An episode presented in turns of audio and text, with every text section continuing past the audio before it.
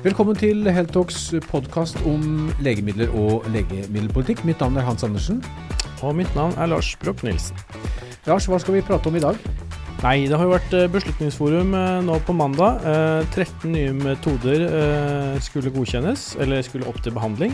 Resultatet var at åtte metoder ble innført, mens Femvik, fem fikk nei. Og vi var jo der og pratet med Beslutningsforums leder Terje Rotfeldt og, um, og, fagdirektør Ulrik Spreng. Mm. Eh, men eh, vi skal gå, nå gå litt ned i materien og se på hva det er faktisk som har eh, blitt godkjent og ikke godkjent fra møtet. Mm. Eh, Hans, kan ikke du starte litt med hva du har trukket fram som det viktigste? Ja, De to viktigste legemidlene som ble godkjent, det var uten tvil immunterapien Keytruda, som Beslutningsforum innførte for uh, trippel negativ brystkreft. Og, og, da skulle denne eh, immunterapien gis både før og etter operasjon, altså eh, neoadjuvant adjuvant behandling, som det på fagspråket heter.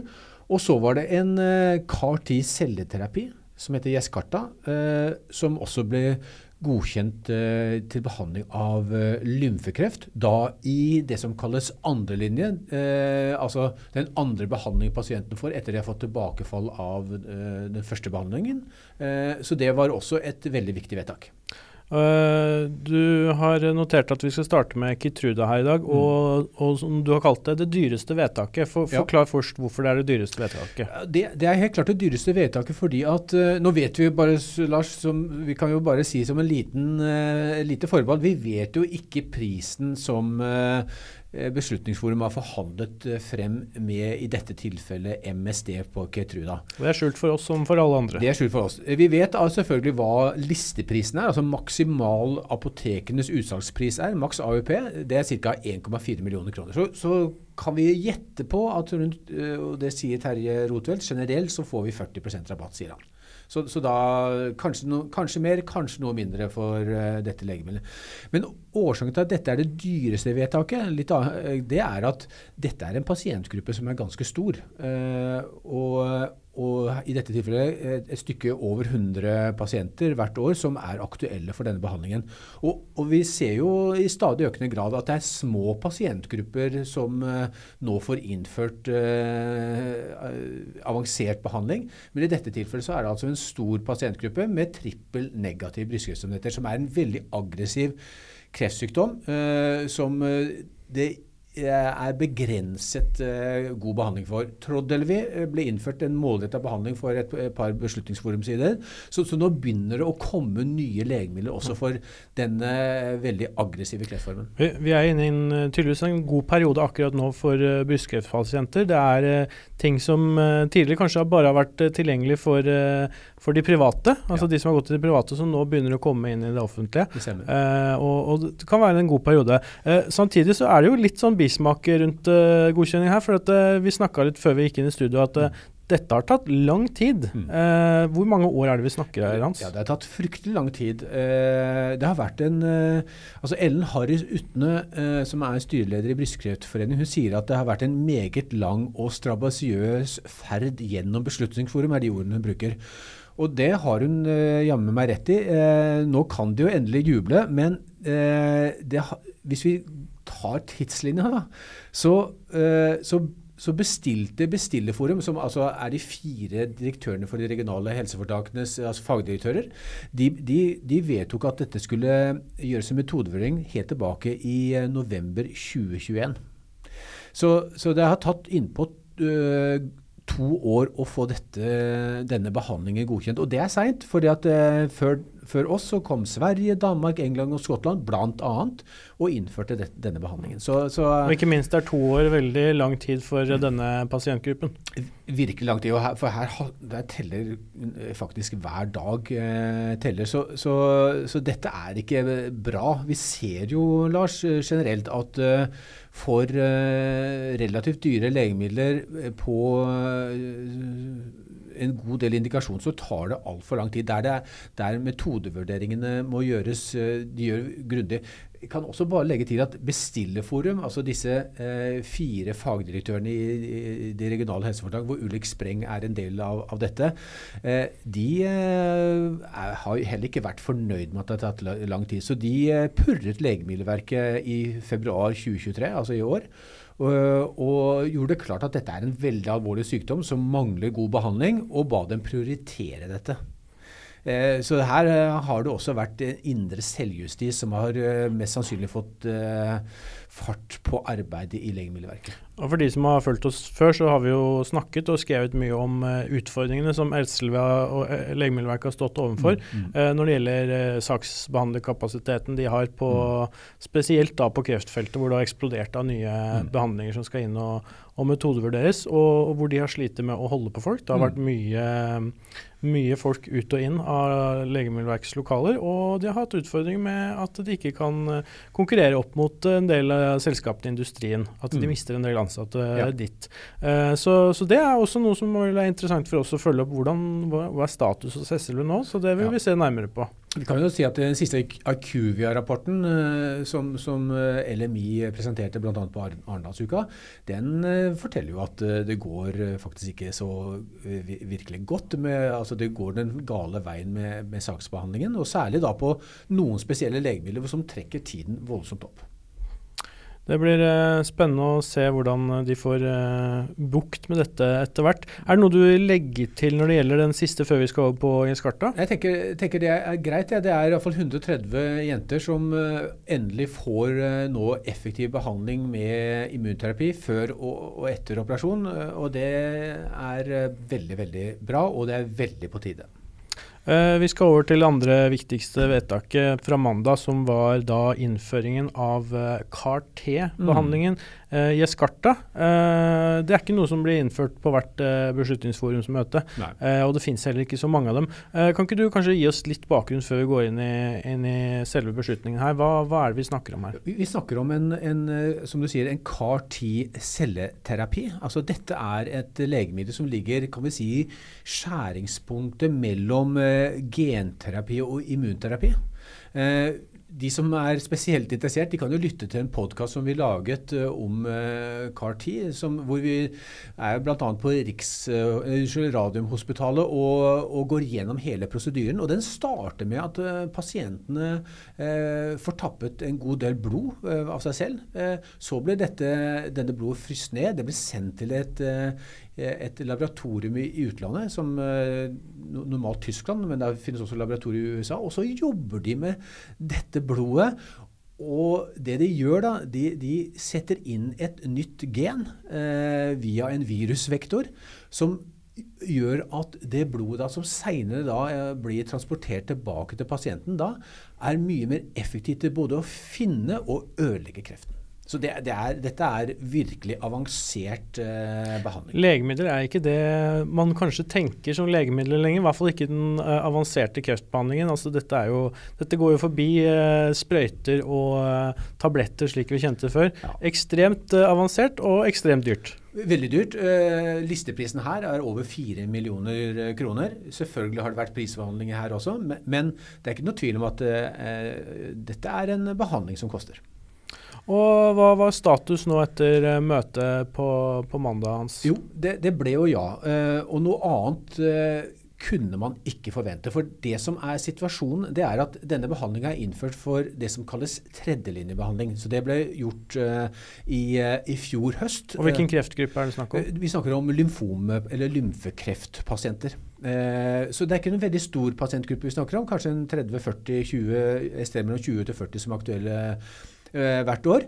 Eh, men dette er en så effektiv behandling at den er livreddende. Altså Her kan folk rett og slett bli kurert for eh, kreften. Og Det som Beslutningsforum tok stilling til denne gangen, var om denne behandlingen skulle flyttes opp i behandlingslinjen, dvs. Si som annenlinjebehandling. Eh, for det vi vet det Så Tidligere har vært godkjent på tredje, på tredje linje. For det vi vet er at, eh, og det forteller leger oss, at når eh, pasientene har eh, hatt mange behandlinger eh, tidligere, og så settes inn CAR-T-behandling, så er ikke CAR-T-behandling så effektiv. fordi at eh, pasientene er slitne, T-cellene deres er slitne, så selv om, om eh, si, man får turboladede T-celler tilbake, så har den ikke like stor effekt. Så det gir veldig mening å sette denne behandlingen inn så tidlig som mulig. Så nå eh, får pasientene dette i Norge nå, etter dette vedtaket, får dette som andrelinjebehandling etter de har da fått tilbakefall fra førstelinjebehandlingen. Og også i denne situasjonen snakker vi ganske lange tidslinjer fra søknad til godkjenning. Hans, ja. kan ikke du ta oss litt gjennom det? Du kan si nå, ved, ved, ved, denne korsveien så tok det, må jeg si, da øh, var Beslutningsforum veldig raskt. Så, så, her ligger faktisk Norge helt først i, i rekka. Men det tok fem år før Norge innførte det som tredjelinjebehandling. Som den første Som godkjenningen. Første, ja? Så da lå vi helt sist i, i feltet. Så og da, da lå vi veldig, veldig sist. Ja, eh, og, og, da var både pasienter og leger eh, de var eh, rett og slett forbanna at det skulle ta så lang tid. Så, så nå har tingene endret seg.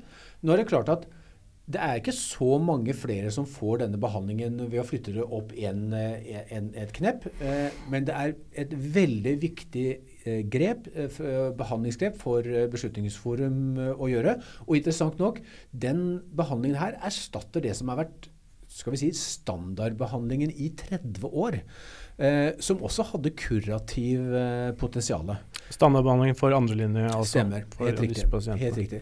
Så, så, så, dette her er et banebrytende vedtak, vil jeg si, i eh, Beslutningsforum.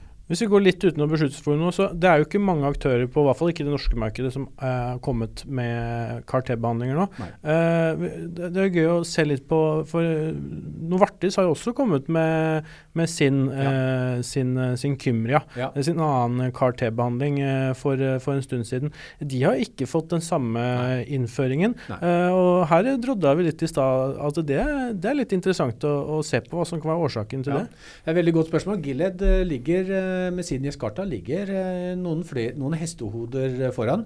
Så det er en av de tingene vi har lyst til å, å, å sjekke litt nærmere opp. Hva er det som gjør at uh, Novartis uh, med Kimraya ligger såpass langt bak?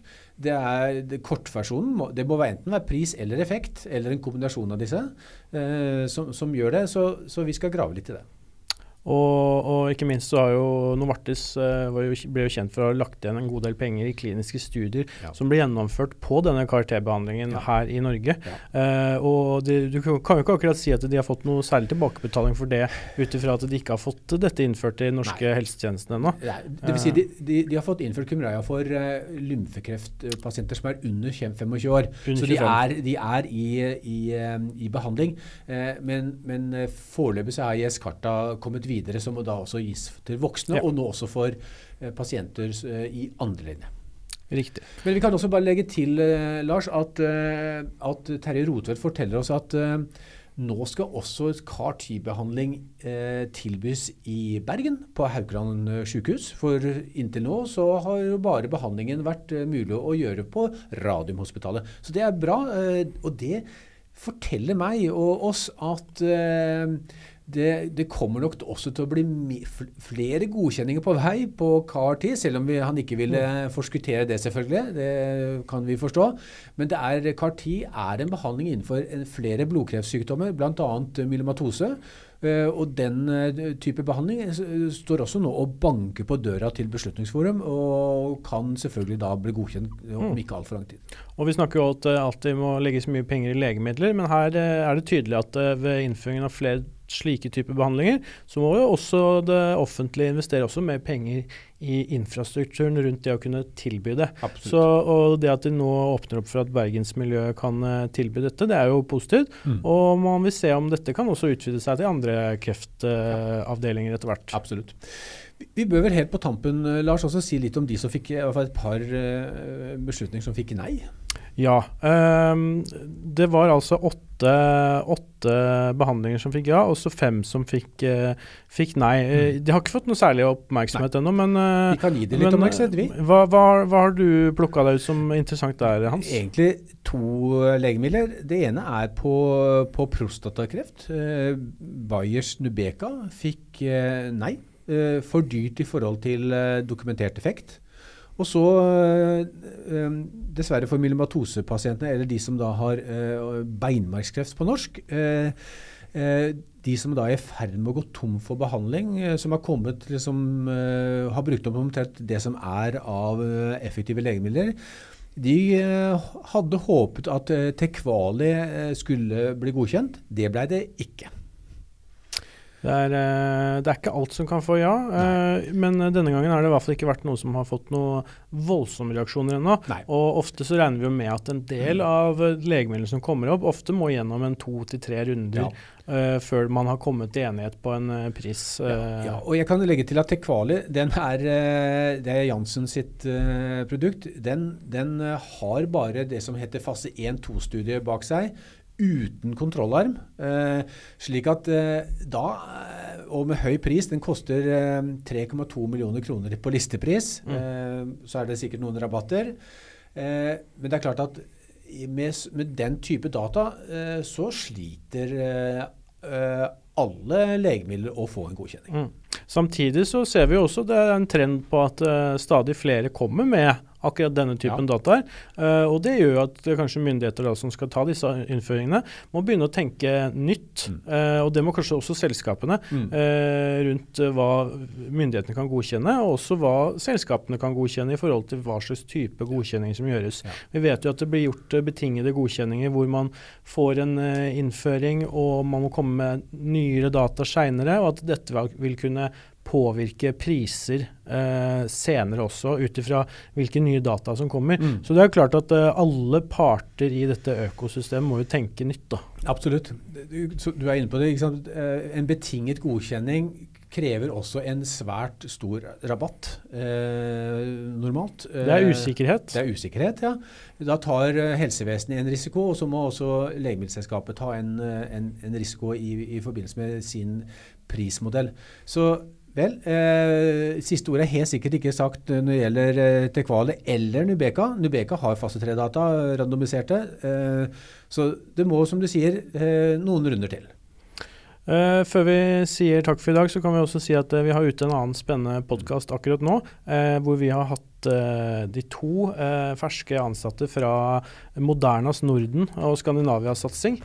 Marianne Arnemo og Mathias Bankel her i studio hos oss. Og vi hadde en spennende prat med dem om hva Moderna ønsker å få til med sin satsing i Norden. Så Den kan du se på nå, allerede ute før denne podkasten har kommet på. Ellers så kan dere bare glede dere til denne kommer. Det bra. Det var en veldig god podkast for øvrig, Lars, så, som du holdt. så den vil være verdt å lytte til. Da sier vi bare takk for i dag, og så ses vi neste gang.